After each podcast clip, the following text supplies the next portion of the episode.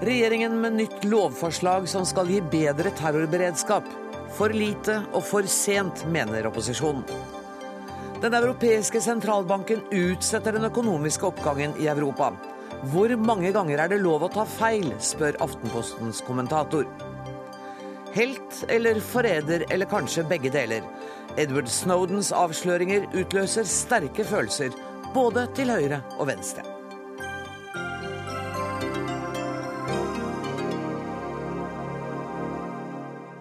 Dette er torsdagsmenyen i Dagsnytt 18, der vi også skal høre at russiske myndigheter har dømt en død mann for skatteunndragelse. De prøver å skjule sannheten om ham, sier Helsingforskomiteen. Det er litt eh, seinere i sendinga. Nå skal det handle om terrorberedskap. For å bedre terrorberedskapen, det er målet. Middelet er et nytt lovforslag der samarbeidet mellom politi og forsvar videreføres omtrent som i dag. Statssekretær i Forsvarsdepartementet Eirik Øvre Thorshaug. Det er ikke omfattende endringer dere legger opp til i denne nye loven?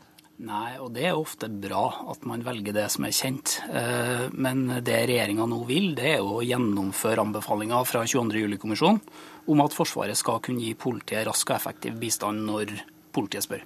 Men så vidt jeg skjønner, nå har jeg lest, skumlest høringsnotatet og bistandsinstruksen sånn som den foreligger, så det man har gjort, er at man gjør altså en instruks, i hovedsak grovt sett, om til en lov. På hvilken måte bedrer det terrorberedskapen? Det er en fryktelig viktig oppfølging. fordi Det er egentlig en oppfølging som 22. juli-kommisjonen ønska seg, og som den særskilte komiteen på Stortinget ønska seg. Posisjon og opposisjon, alle sammen.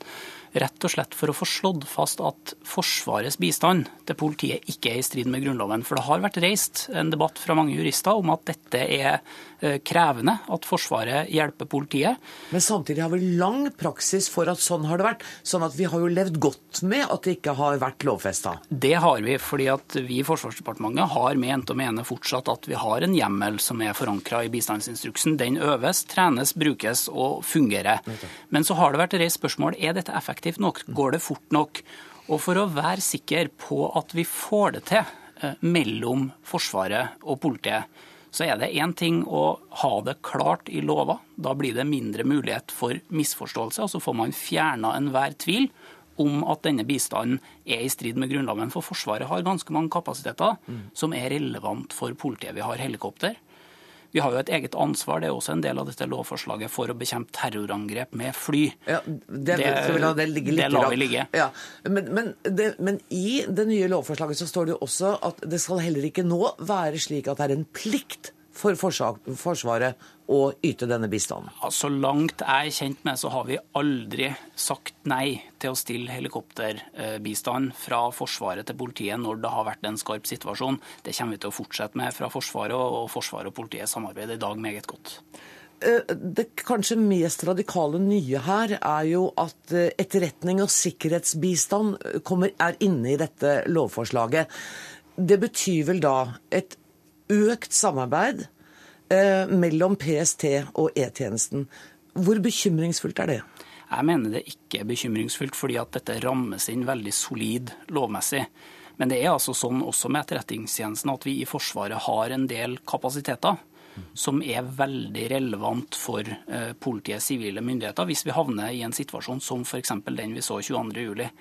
Så Det er jo beskrevet i kommisjonens rapport hvordan eh, etterretningstjenester bisto PST i forbindelse med en del kapasiteter de har knytta til analyse av trusselnivå f.eks. Og de samarbeider også i dag om, om trusselvurderinger. Men vi har veldig strenge regler i Norge for at etterretningstjenesten ikke skal brukes mot norske borgere. Det er faktisk slått fast i egen lov. Mm. Etterretningsloven den har en meget god begrunnelse. Og Derfor eh, er det altså så viktig at man får ramma inn denne typen bistand hvis den skal gis. Og da er det altså Politiets sikkerhetstjeneste som må be om dette. Trine Skei Grande, du er leder i Venstre. Nå hører du at eh, det er ikke noen fare ved at man utvider mulighetene for samarbeid mellom E-tjeneste og PST. Er du enig i det? Jo, det er noen fare knytta til det. Jeg syns det er bra at man får til et samarbeid. Jeg tror at det kan føre til mye bedre og mer målretta eh, etterforsking på disse områdene. For Når det gjelder terrorisme, så ser vi at vi har hatt en glidning mot sånn massescreeningsprogram som jeg har lite tro på. Jeg vil ha mye mer målretta i forhold til det som er eh, objektivt sett trusler mot det norske samfunn, og at man heller forfølger dem mer. Men utfordringa her er at når du får slått sammen disse to eh, enhetene, som jobber på veldig ulik måte, og jobber under ulike eh, mandat fra det norske samfunn, skal begynne å utveksle informasjon, så er det ganske krevende. Og Da gjelder det å ha tunga i riktig munn og veldig rett i den munnen man skal være. Så da, Derfor så trenger, tror jeg at det samarbeidet som nå kommer, fører til at vi må øke ressursene våre i EOS-utvalget, som er det utvalget vi har som skal kontrollere om disse gjør jobben sin riktig. For Dette kommer til å bli krevende landskap, både å gå opp reglene, hvordan det skal praktiseres i, i virkeligheten, men også det å sette Det er to kulturer som møtes også. Eh, og når vi nå ser f.eks. de avsløringene vi har hatt i USA, med, med, hvordan amerikanske myndigheter innhenter informasjon, og vi vet at vi handler informasjon mellom ulike land, ja, da setter det ganske store krav til at vi skal gjøre dette på en skikkelig måte. Og da må vi ha gode kontrollinstitusjoner, ikke bare gode lover på papiret. Åse Michaelsen, du sitter i Stortingets justiskomité for Fremskrittspartiet. Hvordan reagerer du på dette nye lovforslaget? Ja, altså For det første så kommer det jo fryktelig seint. Altså, det er jo to år siden 22. juli. Og eh, det blir lagt fram rett før sommeren. Det betyr at det kan tidligst vedtas med et nytt storting, kanskje rett rundt jul. Og det syns jo vi er jo merkeunderlig etter åtte år i en flertallsregjering. Det som òg jeg tenker, er jo at eh, en i mye større grad bør gå i dybden, se helheten. Dette med sambruk, samlokalisering. Det er liksom ikke nok å bare si at vi plasserer et par helikopter her og en i nord, så fikser vi hele beredskapen. Her må en tenke mye, mye bredere. Eh, I forhold til eh, dette med beredskapssenter, så ser jeg jo at tanken er jo Rygge, da. Eh, hvorfor ikke lytte til Frp og så se i mye større grad at en også må ha beredskapssenter med helikopter eh, og sambruk og samlokalisering mellom justis og eh, forsvar. Og òg gjerne HV, sivilforsvar, andre grupper som jobber innenfor beredskap. Hvorfor klarer en ikke å ta litt større bredde når en først legger fram lovforslag? Grunnen til at vi legger fram dette lovforslaget, er jo at det dreier seg om å lage en lovramme for hvordan man har det rettslige grunnlaget. Så det har jo veldig lite med de praktiske tiltakene som representant representanten fra Frp eh, snakker om. De praktiske følger vi også opp. Men eh, må, jeg tror vi må i debatten om beredskap så må vi ta den et skritt videre enn den der for lite, for sent-debatten. Vi må diskutere politikken, vi må diskutere hva vi gjør. Og Der mener jeg det vesentlige er det som er levert, det som er gjennomført. Altså Det er reetablert helikopterberedskap på Rygge, Forsvarets helikopter, fra høsten 2011. Det er etablert helikopterberedskap i Nord-Norge fra våren 2013. Og fra 1.1.2013 så har man også til og med ordna med en ordning med håndhevelsesbistand. Altså at Forsvarets helikopter med en skarpskytter fra politiet, beredskapstroppen, altså en av Europas beste politistyrker, til å kunne være kontraterrorberedskap på Østlandet. Det er viktige, relevante tiltak for trygghet som er gjennomført. Jo, men det, det, blir liksom for smått og for stusslig på et eller annet vis. Ja, hvis du jeg, mener beredskapstroppen ja, er for sliten og for stusslig, så syns jeg du har misforstått noe Nei, viktig ved beredskapen i Norge. Her må en i mye større grad omorganisere, en må gå i dybden. Det har med ledelse å gjøre, det har med struktur å gjøre, det har med, med samarbeid på tvers å gjøre, kommunikasjon osv. En må se helheten. Og det, det, det haster, dette her. Det kan skje noe nytt neste uke, og det kan skje på Vestlandet. Ja, hva har vi da? Fungerer det? Nei, det fungerer ikke. Men Du har jo tidligere sagt at noe av problemet her er at det er forskjellige kulturer i Forsvaret og i politiet. og Du har vel også antydet at det er liksom noe du oppfatter som mer en cowboykultur i politiet. Det kan vel ikke lovreguleres bort? Nei, det kan ikke, men det har noe med holdninger å gjøre. og Derfor så må en ta de omstruktureringene. Det må på plass for å klare å lykkes. En må rett og slett tenke nytt og få dette her på plass. Og så tilbake litt, da var innom E-tjenesten og PST og det samarbeidet der. Ja. Altså Framtida kommer til å ligge på cyber både cyberterror og cyberkriminalitet. Og Det er jo to områder. ikke sant? Og Du vil i framtida ikke ha mulighet til å kunne avdekke Oppstår en trussel i Norge, som da sånn sett ville ha vært underlagt Justisdepartementet, blir han der linka ut via internasjonale organer og inn igjen, sånn at det oppfattes som en, en, en sak for uh, Forsvarsdepartementet osv. Men bør vi, da, bør vi, da, ikke ha restriksjoner på overvåking i det hele tatt? Bør vi bare slå henda i været og sier vet du hva, dere får gjøre akkurat akkurat hva dere vil, og ikke ha noe kontrollorgan Nei, absolutt ikke. Selvfølgelig skal vi ha kontrollorganer. Men er du da enig med Trine Skei Grande som sier at da må det mer ressurser til EOS-utvalget hvis dette samarbeidet mellom E-tjenesten og PST skal iverksettes? Ja, det høres ikke ulogisk ut at det bør en se på. For det er klart En viss form for kontroll må en ha. Men framtida ligger på cyber. Vi har et cyberforsvar, og da er det, det er underlagt sånn sett i samarbeid med PST. Eh, Og da er det viktig at vi får på plass ordninger som sikrer samfunnet for dette. Kom igjen, Trine Skei Grande, prøvde du å si noe? Ja, prøvde det. Altså, cyber, da kobler vi sjelden inn jagerfly eller helikopter med skarpskyttere. Så det er vel ikke akkurat det vi snakker om her og nå.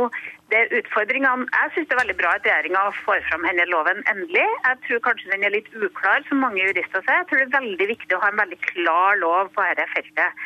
Så syns jeg det er bra at vi har et forsvar og et politi med to ulike kulturer, egentlig. Fordi at de skal ha to ulike jobber og to ulike funksjoner å ha i det norske samfunnet. Det er veldig ulik eh, jobb det å jobbe i Forsvaret og det å jobbe i politiet, og det skal det være. Men det som er utfordringa her, er jo ikke selve loven. Det er jo hvor lang tid tar det å få på plass et fly? Hvor lang tid tar det å få på plass Heimevernet? Og når man skryter av at man eh, har fått på plass et helikopter på Rygge, så tar det likevel to timer før det er operativt og kan gjøre jobben sin. Og det er jo disse fristene, det er jo øvelsen mellom institusjonene. Så det må vi må jobbe for å få ned. Så det, det er strømlinjeformer og øvelsene og læring av øvelse og felles ledelse er utfordringa framover. Trine Skei Grande, du ser det ikke, men statssekretæren sitter og nikker til det du sier. Ja, men det er bra. Ja, ja.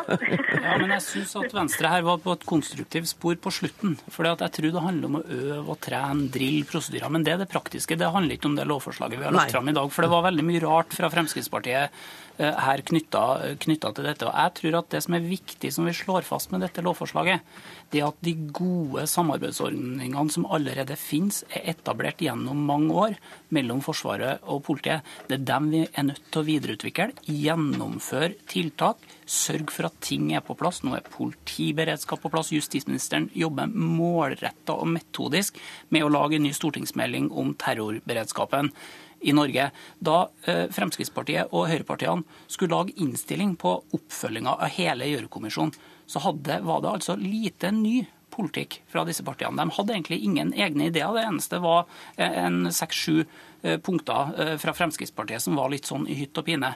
Sånn at på borgerlig side så må man få samordna seg nå. For jeg syns at det høres litt sånn ut i debatten nå som et sånt høyremesterskap i å avlyse Fremskrittspartiets eh, politikk eh, i veldig mange debatter du- eh, vi står i. Sånn at jeg syns at vi skal inn i politikken og debatten rundt politikk på beredskap. Det kunne jeg veldig, veldig gjerne ønska meg. Ja, det... Og der er høyrepartiene samla på veldig, veldig mange eh, punkter.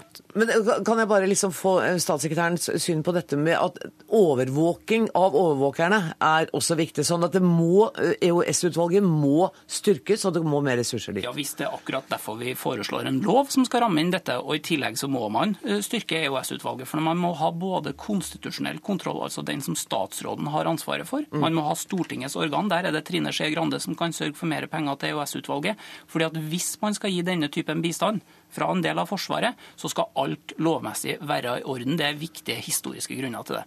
Da sier jeg takk til eh, Trine Skei Grande, Eirik Øvre Thorshaug og Åse Michaelsen. Inn i studio er kommet Harald Stanghelle. Eh, Det går ut fra at du har lest grundigere og forstått bedre enn meg det høringsnotatet og det forslaget som er kommet i dag. Betyr det noe i det praktiske liv, dette her? Det er jeg usikker på, eh, men det betyr noe i det prinsipielle livet. Og det prinsipielle livet og de prinsipielle retningslinjene, det er jo med på å gi føringer inn i det praktiske livet. Hva er den store forskjellen på at noe står i en instruks, og at det nå blir en lov? Ja, Den store forskjellen er jo at den da er forankra i et lovarbeid, og at hvis lovarbeidet er godt, så gir det klare føringer og klare grenser for eh, samarbeidet, og ikke minst for forskjellene mellom Forsvarets oppgave og politiets oppgave. Og eh, det en bør være opptatt av i et lovarbeid som dette, og som en til viss grad er opptatt av, det er jo å gi eh, et, et lovverk som holder uansett stemningene i et samfunn. Fordi at de skifter, og det er jo veldig viktig at vi får et lovarbeid og et lovverk på dette feltet som holder også i mye tøffere tider og med mye høyere samfunnstemperatur, mye mer konfrontasjon enn det vi ser i dag. Vi har mange eksempler på at her har det vært uryddig farvann, hvis du tenker på de eh, siste 30-40 åra. Mm. Men ser vi her også ved at man åpner for dette tettere samarbeidet mellom forsvar og politi, også når det gjelder etterretning og sikkerhetstiltak, ser vi en fare for et mer militarisert politi? Ikke et militarisert politi, men vi ser en fare for et samrøre som ikke skal være et samrøre. Og det er klart at dette er eh, også en revirkamp mm. Eh, på mange måter.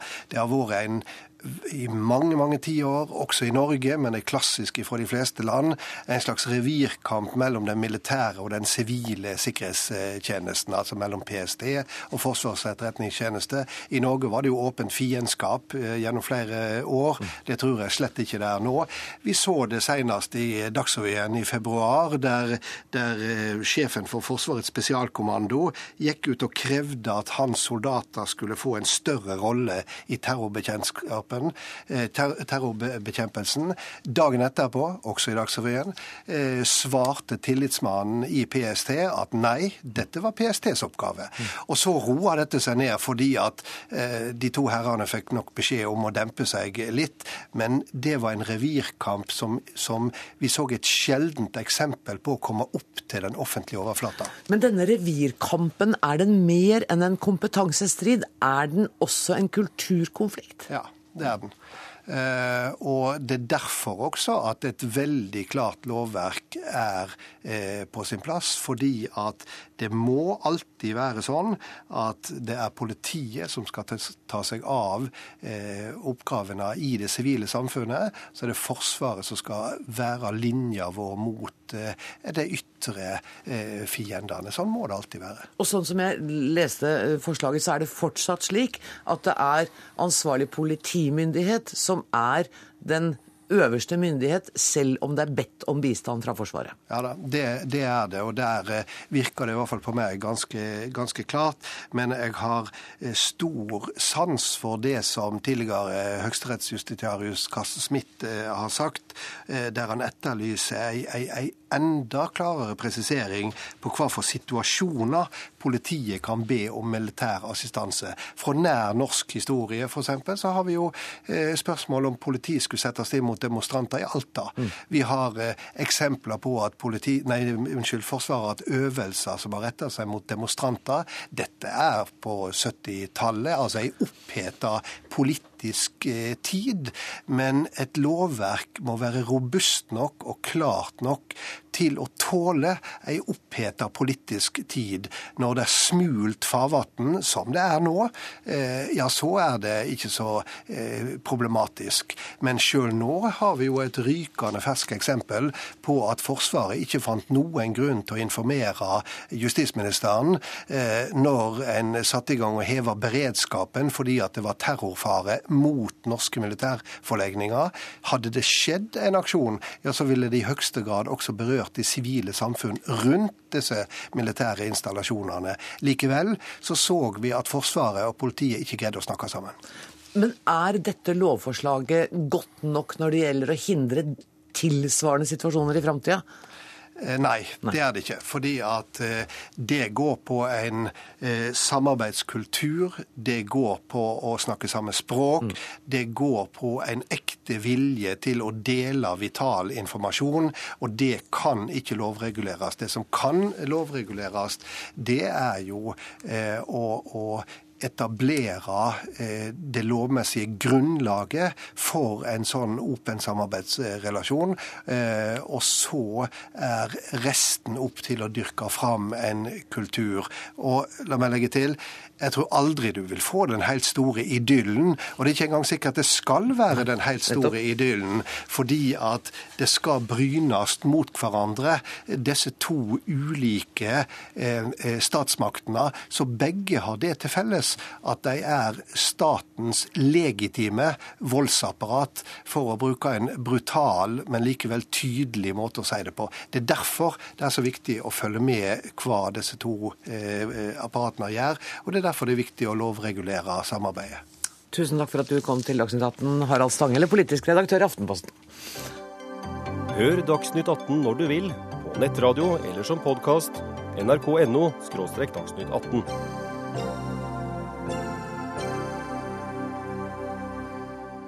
Hvor mange ganger går det an å ta feil? Det internasjonale pengefondet og EU har år etter år spådd økonomisk oppgang i Europa. Likevel fortsetter nedturen. Dette skriver du, økonomiredaktør i Aftenposten Ola Storeng. Men hvorfor tar IMF, altså Det internasjonale pengefondet, så grundig feil?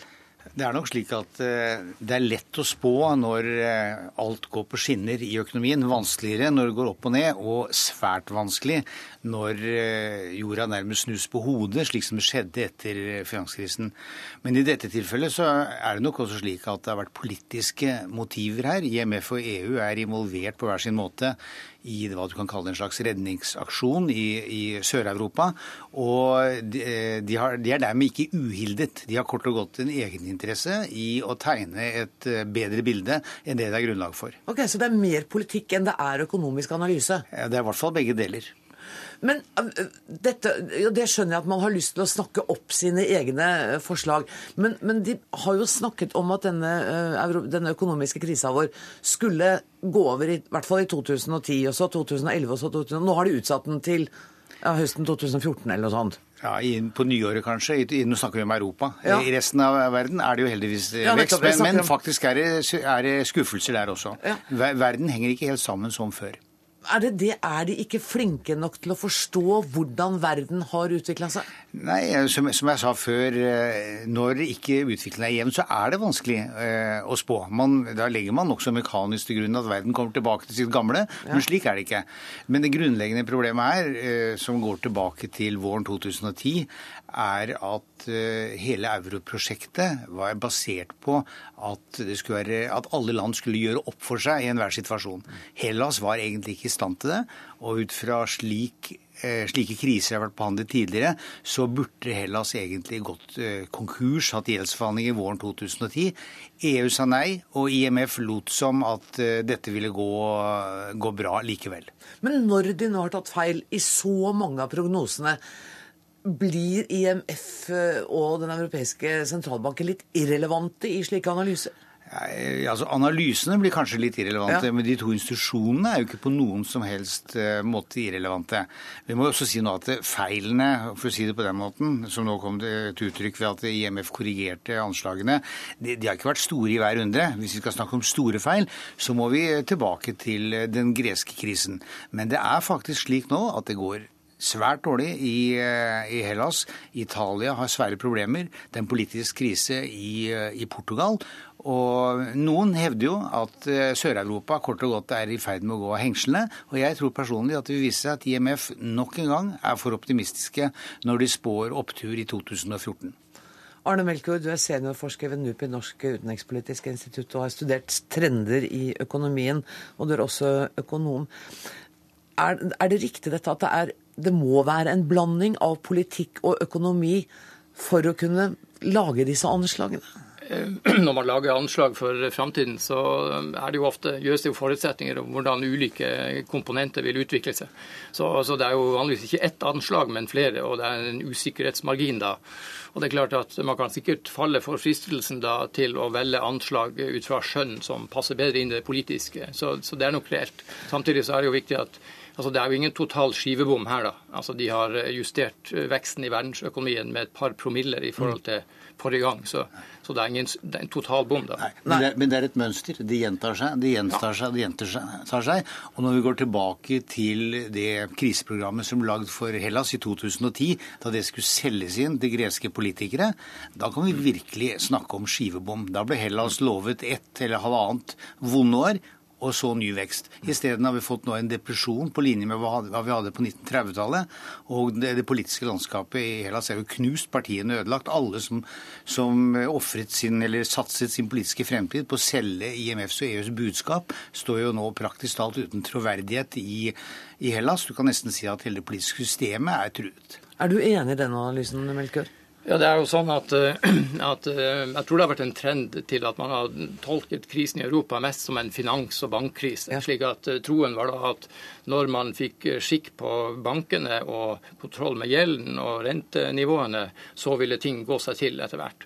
Mens krisen har også en mer langsiktig strukturell side, altså, som har med Europas konkurransekraft og land i Sør-Europa, hvordan de klarer seg økonomisk, konkurransen fra Asia osv.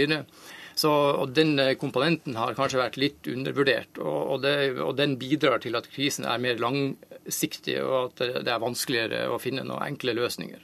I tillegg kommer dette at det måte var noen motsetninger i dette ØMU-prosjektet, som, jo, eh, som man visste at det var vanskelig å lage en, en, en, en pengeunion hvor det var et element av sprikende staur. Uh, i utgangspunktet. Men, men, du sitter også i Dagsnytt 18-studio og sier at dette, denne komponenten var uh, dette med at det var andre uh, sider ved den rent økonomiske, den har vært undervurdert. Har nå IMF og Den europeiske sentralbanken tatt dette inn over seg og forstått det, eller er de De har jo justert dette og, og på en måte endret sine tilrådinger i noen grad, og man har blitt enige om en, en krisepakke med, med, lån, og Hellas fikk uh, betydelige uh, nye utbetalinger av lån godkjent for et par dager siden. Det som er en ny faktor som måtte være vanskelig å forutsi også for prognosemakerne, det er jo at at man de siste ti åra har hatt hjelp av vekst i råvareproduserende land. Slik at, eh, og Disse prisene har gått ned, og det bidrar da til at eh, etterspørselen endres fra land som produserer råvarer osv. Så, videre. så Så det er på en måte en komponent i bildet som bidrar til nedgang, og som er vanskelig å spå. Jeg er enig i alt Melkjord sier, unntatt én ting, nemlig det han begynte med, ved å si at man har fått orden på gjeld og bank i Europa. Jeg mener faktisk det er det virkelig største problemet. At det har ikke skjedd noen opprydning i gjeld som er så stor at den ikke kan tilbakebetales, og bankvesenet ligger fremdeles med, brukket rygg i, eh, i Sør-Europa. Og Så lenge det er tilfellet, så vil det fortsette å humpe på den måten de gjør. Så det er ingen overraskelse. Eh, og Det skjønner jo folk, men grunnen til at ikke dette skjer, er at det er politisk umulig, i hvert fall tror man det, for politikere i Nord-Europa å sette inn, be sine velgere om ressurser til å sette inn de tiltakene som er nødvendige på de to punktene jeg nå sa. Derfor har man nøyd seg med lån. Det er faktisk ikke, det er faktisk ikke bevilget penger ennå til landene i Sør-Europa. Og hadde jeg, hadde jeg vært greker, så ville jeg jo vært veldig desillusjonert, frustrert og utrolig skuffet over at det som jeg trodde skulle være en krise på kanskje et år eller halvannet, har vart i årevis, og ikke ser slutten på det. Ja, Det er klart det er, klart det, er det. Men eh, det, det hører jo med bildet her at eh, det er jo en skylddeling her. Det er et vanstyrt land som møter en vanskapt pengeunion. Melkjord? Det er jo, altså Jeg sa vel ikke at man hadde fått uh, løst problemene med gjeld og bank, men at det var en tredje komponent som var realøkonomisk, som, som bidrar til å Poenget mitt er at hovedkursen fra. EUs side ligger fast. Den har ikke endret seg. Er du enig i det, Melkjord? Uh, ja, altså det er slik at dette et, eh, altså det er vanskelig å, et problem, det er vanskelig å, å løse dette. og, og F.eks. de nye forslagene fra EU-kommisjonen som kom i dag om, om kriseløsningsmekanismer i den nye bankunionen de er det vanskelig å komme til enighet om. og Det vil være en lang prosess som skaper ytterligere usikkerhet, eh, og dermed også usikkerhet for framtidig utvikling. Og Vi har snakket mange ganger om den europeiske økonomiske krisa her i Dagsnytt 18, og hver gang så er det sånn Er det nå så sikkert at vi i Norge sitter så trygt? Er, det, er vi fortsatt liksom eh, heldige? Altså vi må jo, eh, Nå har jo eh, vekstprognosene for Kina blitt justert noe ned. Ja. så Kina vokser med 8% istedenfor 10 Men fortsatt så er det jo stabilitet og, og fortsatt kraftig vekst i Kina og andre framvoksende økonomier. Og Det er jo på en måte fortsatt veldig viktig for verdensøkonomien. Hvis eh, f.eks. det skjer et krakk i Kina, så vil jo internasjonale råvarepriser få en helt annen utvikling. og det vil jo kunne, Så det vil påvirke verdensøkonomien på også en dramatisk Også Norge. Men, men, det er vel ikke noe som tyder på et krakk, selv om jeg ser at det, det er uh, en nedgang i den økonomiske veksten i Kina. Så er det vel ikke noe krakk sånn umiddelbart rundt hjørnet, er det det? Nei, man, altså man forventer jo at veksten i Kina skal gå ned fra 10% per år, som det har vært i det siste tiåret, til 5% mot 2030. Så, så, det er på en måte en forventet utvikling. Og fortsatt, og det var litt problemer i kinesiske eh, bankmarkedet for en tid siden, men ingen, ingen krise. og Det er viktig at stabiliteten opprettholdes i Kina. Vi, vi, er jo eh, skjermet som få andre europeiske land. i hvert fall. Vi kan jo si at Hvis eurokrisen kommer til Norge, så kommer den via Kina eller via det norske bankvesenet.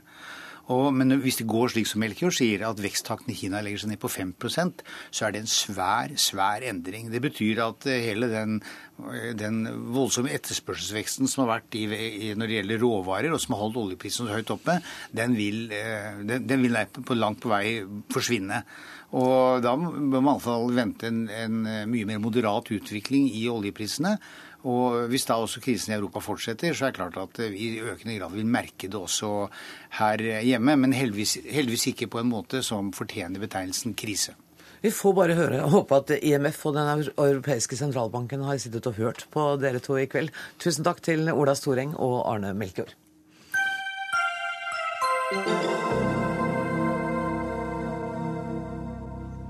Den russiske varsleren Sergej Magnitskij avslørte tyveri av halvannen milliard kroner.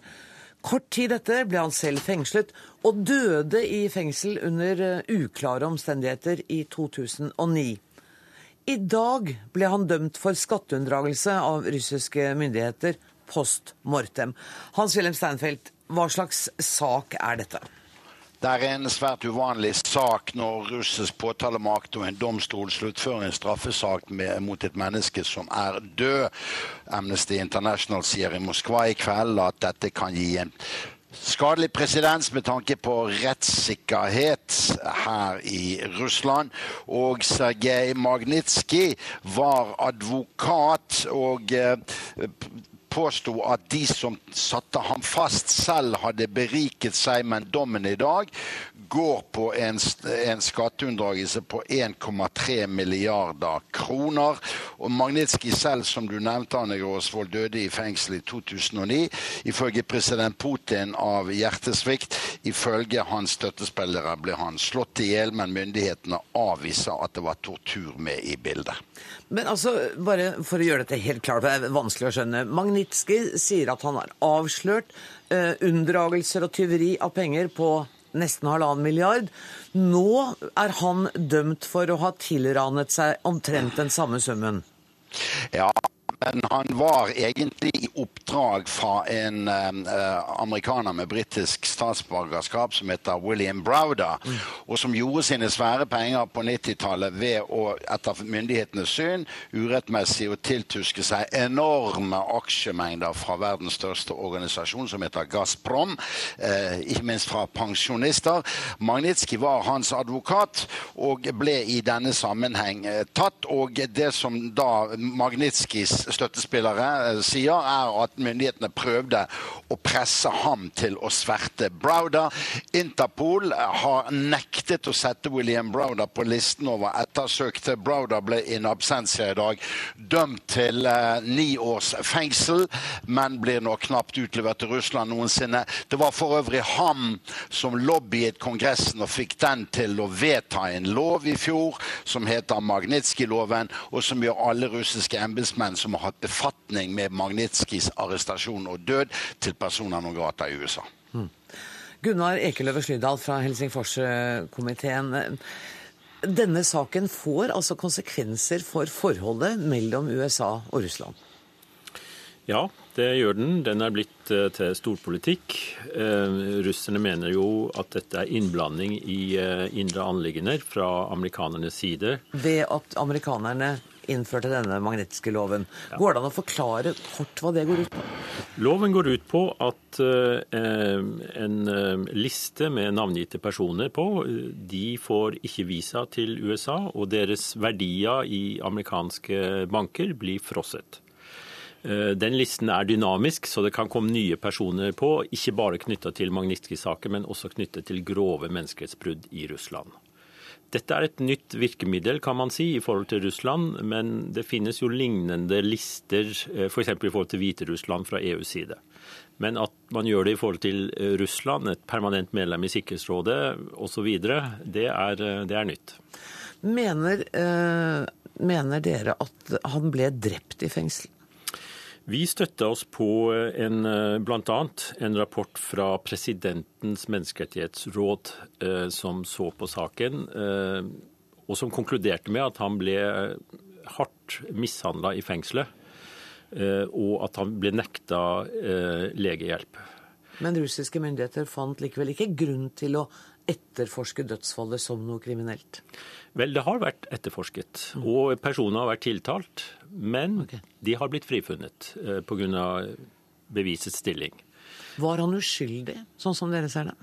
Eh, det er veldig veldokumentert eh, at han handlet ut fra god tro, god dokumentasjon, da han gikk ut og sa at en gruppe personer hadde svindla den russiske staten for alle disse pengene. Eh, han en, han var en høyt respektert forretningsadvokat. Eh, han var prinsippfast. Han ble råda til å forlate Russland, men han sa at eh, jeg er beskyttet av loven og jeg vil kjempe for min sak her. Det er veldig mange ting som tyder på at han hadde en rettferdig og god sak. Men denne Browder, da? Browder han eh, var en eh, som tjente masse penger i Russland, helt riktig. Han eh, trodde på Putin når Putin sa at han skulle sørge for lov og orden i Russland. Men, sier han, jeg hadde en aktivistisk investeringsmodell. Jeg ville se på selskapene investerte i med kritiske øyne for å se om det var korrupsjon og dårlig styre av disse selskapene. Etter hvert, når han kom inn i de store statseide selskapene, så kom han på kant med Putin. Og i 2005 fikk han ikke lov til å komme tilbake til, eh, til Russland. Og problemene for hans selskap starta for alvor. Mm. Men nå bor han i England og kommer ikke til å bli utlevert til Russland. Hans-Wilhelm Steinfeld, hvor opptatt er russerne av denne saken? Ja, Det ble nyhetsmessig meldt i dag. Det skjer jo stadig vekk store korrupsjonsavsløringer her til lands. Eh, så russisk føderale TV-kanaler har meldt i kveld at det kom fellende dom i Magnitskij-saken. Og eh, senest i går hadde jo vi i Dagsnytt president Putin som sa at disse korrupte nettverkene må avsløres mer aktivt for de lever som parasitter. Da tenkte han ikke på politifolkene Magnitskij anklaget, men det er jo allment kjent Anne Osvold, at russiske dommere, politi, påtalemakt er svært korrupt. Hele ledelsen for påtalemakten i det svære Moskva-fylket, som tilsvarer en amerikansk delstat, blir jo tatt for dette i fjor. Så eh, stor troverdighet har ikke lovens lange arm i Russland når det gjelder korrupsjonskamp, og det er kanskje et av de sterkeste kortene på hånden til de som mener at Sergej Magnitskij var uskyldig. Mm. Men, men Stanfield, altså, hva er symbolverdien i å dømme en mann som døde i 2009? Kvinnens maktpolitikk. Denne dommen skal gjøre to ting. Den skal gi legitimitet til frifinnelsen av assisterende fengselsleder i Matroskaja Tisjena, eh, som ble frikjent for Magnitskijs død i desember i fjor. Og den skal naturligvis også prøve naivt kanskje, å si til amerikanerne at se det russiske rettsvesen har sluttført denne saken. Og det viste seg at eh, Magnitskij ble kjent skyldig. Det skal de slåss lenge for å bli trodd på i USA. Ja, for Gunnar Ekeløve Ekløver Slydal, det å sette punktum på denne måten, det, det bare svekker eh, tilliten til det russiske rettssystemet, gjør det ikke? Jo, de fleste kommentatorer som er utenfor eh, maktsfæren til Kreml, de vil si at dette er absurd, og at det er tegn på at man er litt eh, bakpå, litt paniske. For eh, det er for godt dokumentert eh, mange forhold rundt denne saken til at verdenssamfunnet vil tro på at dette er punktum i denne saken. Og at det er korrupsjon, som Steinfeld var inne på, i domstolene, i påtalemyndighet, i politiet. Altså, dette bidrar jo heller ikke til å rydde opp i det.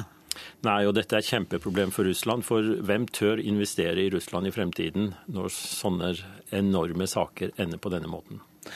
Tusen takk for at du kom til Dagsnytt 18, Gunnar Ekeløve Slydal, assisterende generalsekretær i Helsingforskomiteen. Takk også til deg, Hans-Wilhelm Steinfeld, vår alltid arbeidende korrespondent.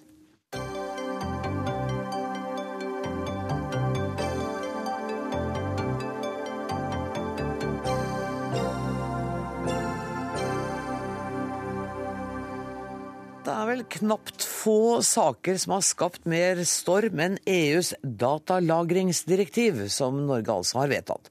Men nå kan det kanskje vise seg at direktivet ikke er lovlig. EU-domstolen vurderer i disse dager om det er konflikt mellom direktivet og hensynet til ytringsfrihet og personvern. Og professor i europarett Fredrik Sejersted, kan det hende at EU-domstolen fjerner hele direktivet? Det kan hende. Det skal nok mye til. Eh, jeg tror ikke det kommer til å skje, men i prinsippet så kan det hende. Altså, Vi trodde vel i Norge at striden om datalagring var over i april 2011, da Stortinget etter veldig mye diskusjon godtok dette. Og noen pustet litt sånn lettet ut Ja. og var lei av hele den debatten. Men nå er vi her igjen. Nå er vi her igjen, og den går videre på mange plan. Altså For det første går den jo i og for seg videre i Norge, fordi dette direktivet er jo ennå ikke gjennomført i Norge, så det er en prosess der. Så går den videre på Island, våre EØS-partnere, som ennå ikke har godkjent eh, direktivet. Og før de gjør det, så kommer de ikke inn i EØS-avtalen. Nei, ikke sant? Og så går det videre Island og vi må, må gjennomføre det, eller må godta det. Og så lenge Island sitter helt stille, så får ikke vi gjort noe. Ja, altså Vi kan gjennomføre det allikevel, men det kommer ikke inn i EØS-avtalen. så Det blir ikke bindende for oss som en del av EØS-avtalen. Men regjeringen kjører sitt løp gjennomføring nokså ufortrødent av hva som skjer på Island. Så vi kan i og for seg gjennomføre de samme reglene, og de har vel satt en, en deadline for det. Det går jo sakte, dette her, men de har jobbet med det noen år nå, og, og håper vel å gjennomføre det i eh, 2014-2015. 2015 er den siste datoen jeg hørte. Så, og det kan vi i og for seg gjøre, selv om det ikke er blitt en del av EØS-avtalen. Men da gjør vi det kan du si, ensidig og frivillig, ikke fordi EØS-avtalen tvinger oss til det. Og da blir det en ny politisk debatt i Norge. Det kan godt hende. Og, og hvis Eh, ja. denne EU-domstolen da sier de, Vi venter jo på en Det er midt i behandlingen. Eh, vi venter vel en domslutning før jul, kanskje, i løpet av høsten. Hvis de sier at nei, vet du hva, dette, dette kan vi ikke ha. Dette er i strid med ytringsfrihet og menneskerettighetsprinsippene. Da blir det ganske sikkert en ny debatt her hjemme også. For det er det siste. altså Dette går videre i EU, og det går videre i mange EU-land. Det har gått videre i Sverige, det har gått videre i Tyskland, det har gått videre eh, i Østerrike og Irland. Og det er domstoler fra Østerrike og Irland som nå har brakt denne saken for EU-domstolen som vi snakker om i dag. Eh, Og dette er altså en sak som kommer fra Østerrike og Irland. Det er to saker som er slått sammen, og som ble sendt til EU-domstolen i, i Luxembourg for et år siden. Og det som har skjedd nå, er egentlig bare at de har hatt et rettsmøte. Eh, Det går sakte der også. Det er et år siden saken kom inn, og nå har de hatt rettsmøte. og så kommer det kanskje til å gå et år til før vi får dommen. Men, så da får vi vente og se. Men det er klart at hvis de helt eller delvis skulle underkjenne direktivet, så vil jo det helt sikkert eh, sette i gang debatten her hjemme på nytt. Tidligere leder i organisasjonen Stopp datalagringsdirektivet og nåværende leder i Digi- Digitalt personvern, Anders Brenna. Er du veldig fornøyd nå? Ja, men jeg er ikke i det hele tatt overrasket. Dette har vært opplagt hele veien. Alle som har satt seg inn i direktivet, hvordan det ikke virker, bare så det er sagt, har visst at dette her kommer ikke til å gå. På en eller annen måte så kommer vi til å bli nødt til å stoppe og si at det her funker ikke. Datalagringsdirektivet er en flopp. Det har ikke bidratt til noe som helst, og det har man etter hvert sett. så Derfor er det ikke overraskende at man ser at her er ulempene mye større enn fordelene, i og med at fordelene rett og slett ikke eksisterer. Men du ser det er en flopp. Det har ikke vært iverksatt i Norge ennå, da, så vi veit jo ikke hvordan det Nei, men det har vært en flopp i de landene det har vært iverksatt. Og det er vel grunnen til at Irland blant to annet har oss. uker etter at eh, Norge sa ja, så kom det en rapport fra EU hvor det var noe av den mest eh, flaue presentasjonen av en EU-politiker noensinne, ikke klarte å gjøre rede for at de hadde gjort noen gode resultater med datalagringsdirektivet. Så hun ble stående der og si at nei, vi har ikke helt fått til noen gode resultater, men vi håper og tror vi skal få det til i fremtiden. Og det har vært opplagt hele veien. Datalagringsdirektivet virker ikke, og det kommer ikke til å virke. og et, på et eller annet vis så blir det stopp, og det vil forsvinne, og det vil ikke i praksis bli implementert i Norge. Før vi gikk i studio, så sa du til meg at det er de tre eh, kjedeligste ordene i det norske språk. Det er data og lagring og direktiv. Og samtidig så er det kanskje de, det ordet som skaper mest følelser. Kan ikke du bare for oss som har glemt litt av hva dette innebærer, kort si hva dette inneholder? Hva det vil få for konsekvenser? Det er et overvåkningsdirektiv som sier at det skal lagres hvem jeg ringer, når jeg ringer, hvor lenge jeg ringer, hvor jeg er når jeg ringer. Og Det skal også lagres for SMS. Og fordi jeg har en mobiltelefon med litt datatrafikk, så skal det lagres en haug med opplysninger om når jeg er hvor. Dette her er opplysninger som kan brukes til veldig mye interessant. Jeg har selv litt humoristisk prøvd å sette opp en oversikt over hvem som er utro i Norge, basert på denne, eh, dette direktivet. Det er fullt mulig med å registrere samtaler mellom mennesker, og registrere hvor folk befinner seg, og sjekke det opp mot hvor de bor til vanlig. Slik at dette her er et direktiv som åpner for massiv misbruk på en rekke områder. Men det ville jo forutsette at vi hadde myndigheter som satt og var interessert i å finne ut hvem som var utro, og ikke eh, drev og faktisk skulle prøve å finne ut hvem som var potensielle terrorister eller Det holder helt fint at disse dataene kom på avveie. Og det er noen som har hørt om Bradley Manning som har fått noe data på avveie. Det er noen som har hørt om Edward Snowden som har fått noe data på avveie. Og så har vi de enda verre, det vi ikke har hørt om. Nemlig de mange som har fått tak i noen tilsvarende opplysninger, men som ikke har gått ut offentlig, men som har solgt det på noe svartebørs til kriminelle eller andre, eller bare rett og slett misbrukt det selv. Dette her er realiteten. Når man samler store datamengder med sensitive opplysninger, så er det verdifull informasjon, og det er informasjon som kan misbrukes. Og det er faktisk sjelden man hører om ting som kommer på avveie, men det kommer ting på avveie veldig ofte. Hvis jeg skulle be deg gjette, vil du, vil du tro at dette direktivet blir eh, satt i verk i Norge? Jeg vil tro at det blir satt i verk, men da leder jeg digitalt eh, personvern, og vi har samlet inn over 800 000 kroner for å finansiere en rettssak for å få stanset direktivet i rettsapparatet. Så det går ikke veldig lange tiden fra det ble implementert til vi har stanset det. Sejersted, det vi hører her, er det en svartmaling av direktivet, på en måte den mørke sida av det? Ja, Jeg skal ikke gå i noe veldig stor substansdiskusjon Nei. om innholdet. Den, eh, det får vi komme tilbake ja. til. Men, men, det er enig i at det er en prosess, dette her. Eh, og det handler om lagring av Jeg, jeg syns jo dette er noe av en svartmaling. Jeg syns ikke det er så uh, ille som det høres ut. Men datalagringsdirektivet er blitt en symbolsak mm. på det mye bredere spørsmålet om grensen mellom på den ene siden personvern og myndighetenes informasjonsbehov i det nye samfunnet. Og Da er dette en viktig sak, men det er også mange andre saker. Det er blitt en sak på det. Og dette er en løpende prosess. Dette er ikke, jeg tror det er galt å fokusere bare på dette ene direktivet, ja eller nei til direktivet. For dette er en prosess. Vi, vi har hatt veldig dårlige regler for datalagring i Norge. Mm. Og nå må vi lage nye regler. Uavhengig om direktiv eller ikke. Vi, vi må, lage nye, oh, ja. må lage nye regler. Og de rettssikkerhetsreglene som nå kommer gjennom innføring av direktivet, de er bedre på mange punkter enn det vi har hatt før. Uh, men plikten ja, Bedre for hvem da? For meg meg som borger? Med rettssikkerhet. Altså strengere Nettopp. krav til lagring av informasjon, okay. klarere når informasjonen kan hentes ut osv. Norske myndigheter har lagt seg på en ganske stram linje når det gjelder gjennomføring. Dette direktivet sier egentlig bare én ting, og det er at det harmoniserer plikten til å lagre denne informasjonen eh, i en viss periode. Minimum seks måneder, maksimum 24. Det er det direktivet sier. Og da har norske regjering valgt seks måneder, altså kortest mulig lagringstid. Og så overlater direktivet til nasjonale myndigheter og siste hånd Stortinget hvor strenge rettssikkerhetsgarantier man vil bygge opp for å beskytte den informasjonen, hvordan den skal lagres, hvem som kan få tilgang på den osv. Der har Norge lagt seg på relativt, det er vi sikkert også uenige om, men, men, på et relativt strengt nivå sammenlignet med mange land. Og Det er mye av det diskusjonen handler om. Mm. Direktivet seg selv sier ikke noe særlig annet enn lagringsplikt. Men det, Hva er den overordnede ideen med dette direktivet? Ja, Dette er etter 9.11. Dette er 9.11. ti år etter, for å si det sånn. Det så i det store perspektivet så ja. snakker vi eh, om uh, overvåkingssamfunnet og de farene, eventuelt fordelene, som vi står overfor, ikke sant? Jeg vil bare si at Det er ikke onde mennesker som har tenkt ut datalagringsdirektivet. Det er folk med gode det intensjoner. Det er mennesker som har helt sannsynlig ønske om å beskytte oss. Men de har bare rett og slett ikke satt seg inn i hva det innebærer. De har rett og slett kommet opp med et forslag til et direktiv, til et sett med regler, som ikke virker i praksis.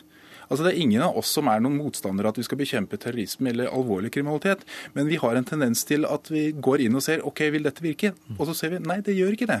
Og da driver vi ikke med noe svartmaling. Vi har forholdt oss til at fornuften har bedre stayerevne enn idiotien. Så at vi har forholdt oss til at de tingene vi beskriver, det er en realitet. Det er ting som vi kan beskrive i detalj hvordan det gjøres, og håndtere hele veien. Og så går vi ikke rundt og svartmaler menneskene og sier at det er onde mennesker som går for det. Vi bare sier at de tok ikke med seg kompetanse da de satte opp dette. Og det er derfor de står med noen sånne veldig flaue øyeblikk. Vi har lenge tenkt at det hadde vært ufattelig fint hvis det fantes en eller annen exit som man kunne droppe ut av datalagringsdirektivet uten å tape ansikt. Det hadde vært ufattelig godt hvis vi bare kunne sett OK, og så holder vi kjeft, og så sier vi ikke noe om at dere dreit dere ut. Mm. Det har dessverre ikke vist seg og dermed så må vi sannsynligvis gjennom en rettsapparatsrunde. Fordi, sånn det, fordi det går prestisjesaken? Realiteten er at det ikke virker. Mm. Og fordi det går prestisjesaken, og noen kommer til å miste ansikt når de blir avslørt, mener du. Ja. Eh, når ser vi slutten på dette, professor Skeis? Når vi går i graven. Altså, Vi lever i det nye teknologisamfunnet, og denne, denne, kampen mellom på den ene siden hva vi legger ut, datalagring, mobil, men vi har jo nå hørt hva amerikansk etterretning gjør, og det får jo datalagring til, ja. til, å blekne. Ja. Eh, hva bank bankene våre gjør, hva bomselskapene gjør. altså Hele det nye samfunnet hvor vi etterlater oss elektroniske spor, kontra eh, hensyn til personvern, og dette at denne informasjonen fins der ute, og den evige jakten på en fornuftig balanse i en liberal rettsstat mellom de stridende hensynene, det tror jeg vi kommer til å fortsette å leve med bestandig. Dette er et, et lite slag i den lange krigen om det. Så dere kommer til å være her sånn ca. en gang i uka de neste årene? Ja, men det blir koselig. Og våre barn og barnebarn. Takk for at dere kom, Fredrik Sejersted og Anders Brenna.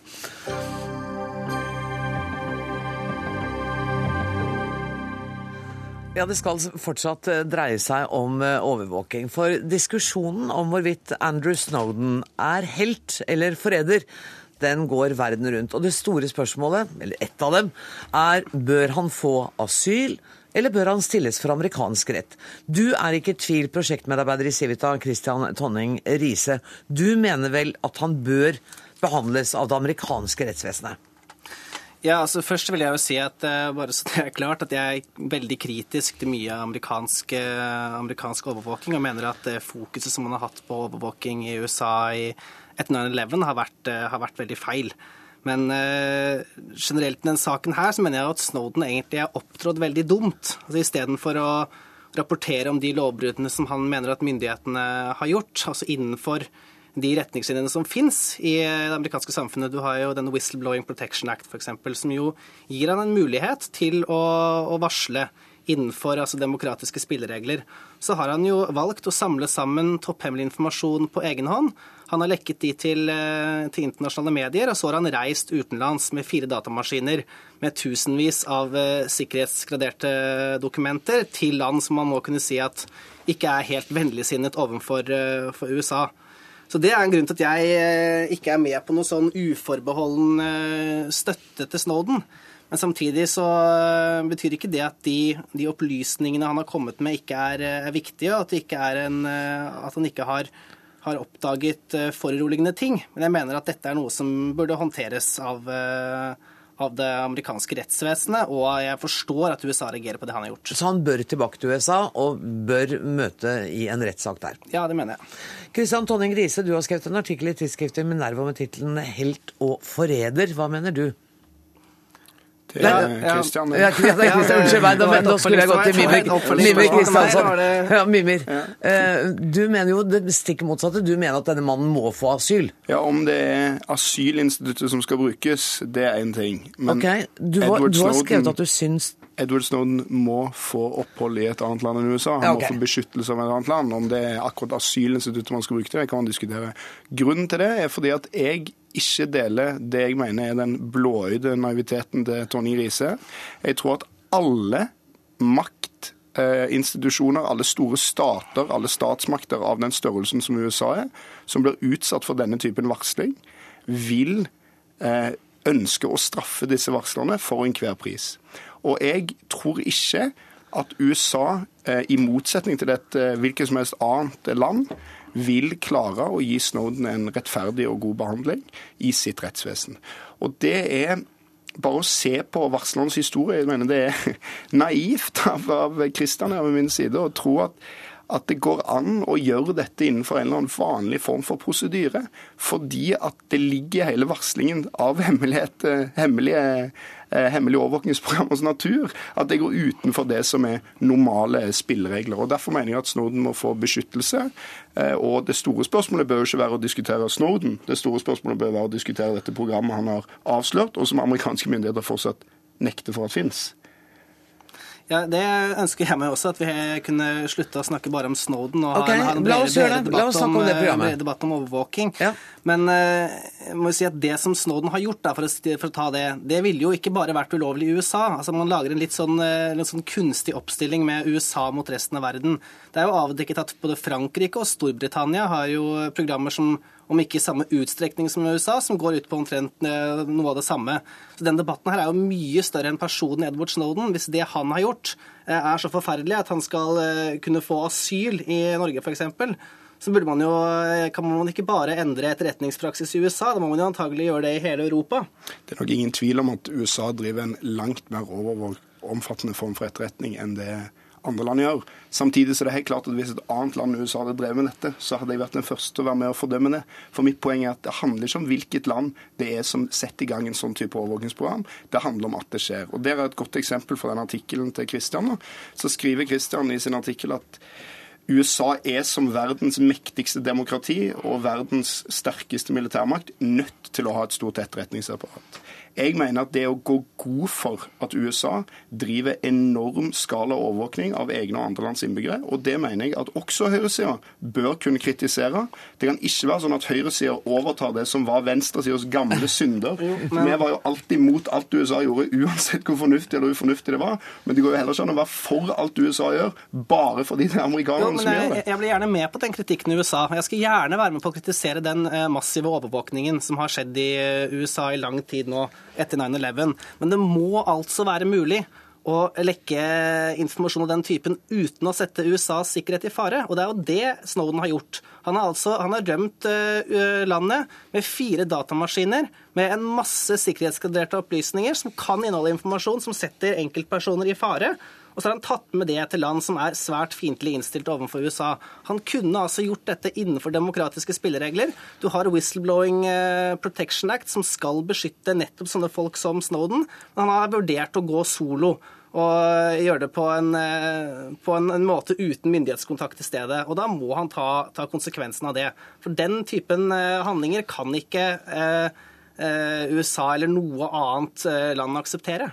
Jeg syns det er rystende å høre en såkalt liberaler som dette være så opptatt av sikkerheten til USA, og så lite opptatt av sikkerheten til den lille mannen Edward Snowden, eller så lite opptatt av sikkerheten til alle de enkeltindividene som forsøker å ikke bli overvåket i alt sitt daglige av verdens største statsmakt.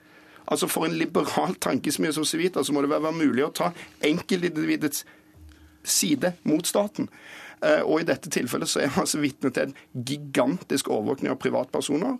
Og jeg har ingen tiltro til at USA eller noen annen stormakt vil behandle sånne varslere på en fair måte. I den perioden vi har hatt etter krigen mot terrorstater, har vi sett en masse eksempler der amerikanske myndigheter går langt utenfor de reglene og lovene som finnes. Vi har eh, eksempler med Bradley Manning, for eksempel, som er stilt for militærdomstol, som har vært 23 timer i døgnet i, i, i solocelle, altså, eller i isolat. Man har eksempler med, fra Guantánamo osv. osv. Men Kristiansson, du snakker som om du er overrasket over at stater driver med denne type overvåking. Vi, vi diskuterte det samme temaet i går med andre debattanter, og, og der var jo holdningen at det er naivt å tro at ikke også vennligsinnede stater overvåker hverandre. Her er det omfanget som er, vi er blitt kjent med, som er litt overraskende, bare. Ja, altså Dersom dette ikke var overraskende, så ville ikke dere ha invitert folk inn i studio for å diskutere det hver eneste dag. Altså Det er en grunn til at dette er en nyhet. Det er en grunn til at dette programmet, den lekkasjen av det, setter dagsorden over hele verden. Og det er omfanget. Det er helt klart Mm. omfanget. Det er i hvilken grad du lagrer data, og i hvilken grad det er en automatikk i lagringen av data. For det er ikke det faktum problemet. at man gjør det. Nei, altså det er jo ingen som har trodd at USA ikke har Nettopp. etterretning, og i alle fall ikke sånne ytre venstre-typer som meg. Vi har jo løpt rundt med Men konspirasjoner om dette i 30 hvis år. du men skal altså- ha etterretning, så er det jo opplysninger som må være taushetsbelagt. Mm, det, det håper er vi begge er enige om. Og da er jo Det spørsmålet mitt altså, Går det ikke an å være kritisk, veldig kritisk til amerikansk overvåkningen og omfanget av den, som jeg også er? Uten å samtidig mene at det skal være frislipp for å lekke hemmelighetsstemplet informasjon. For det, det mener jeg at det kan det jo faktisk ikke være. Men Da kan man ikke ha, Christian, Christian man ikke ha hemmelige tjenester. Hvordan kan man, kan man være kritisk til et overvåkingsprogram du ikke vet om fins?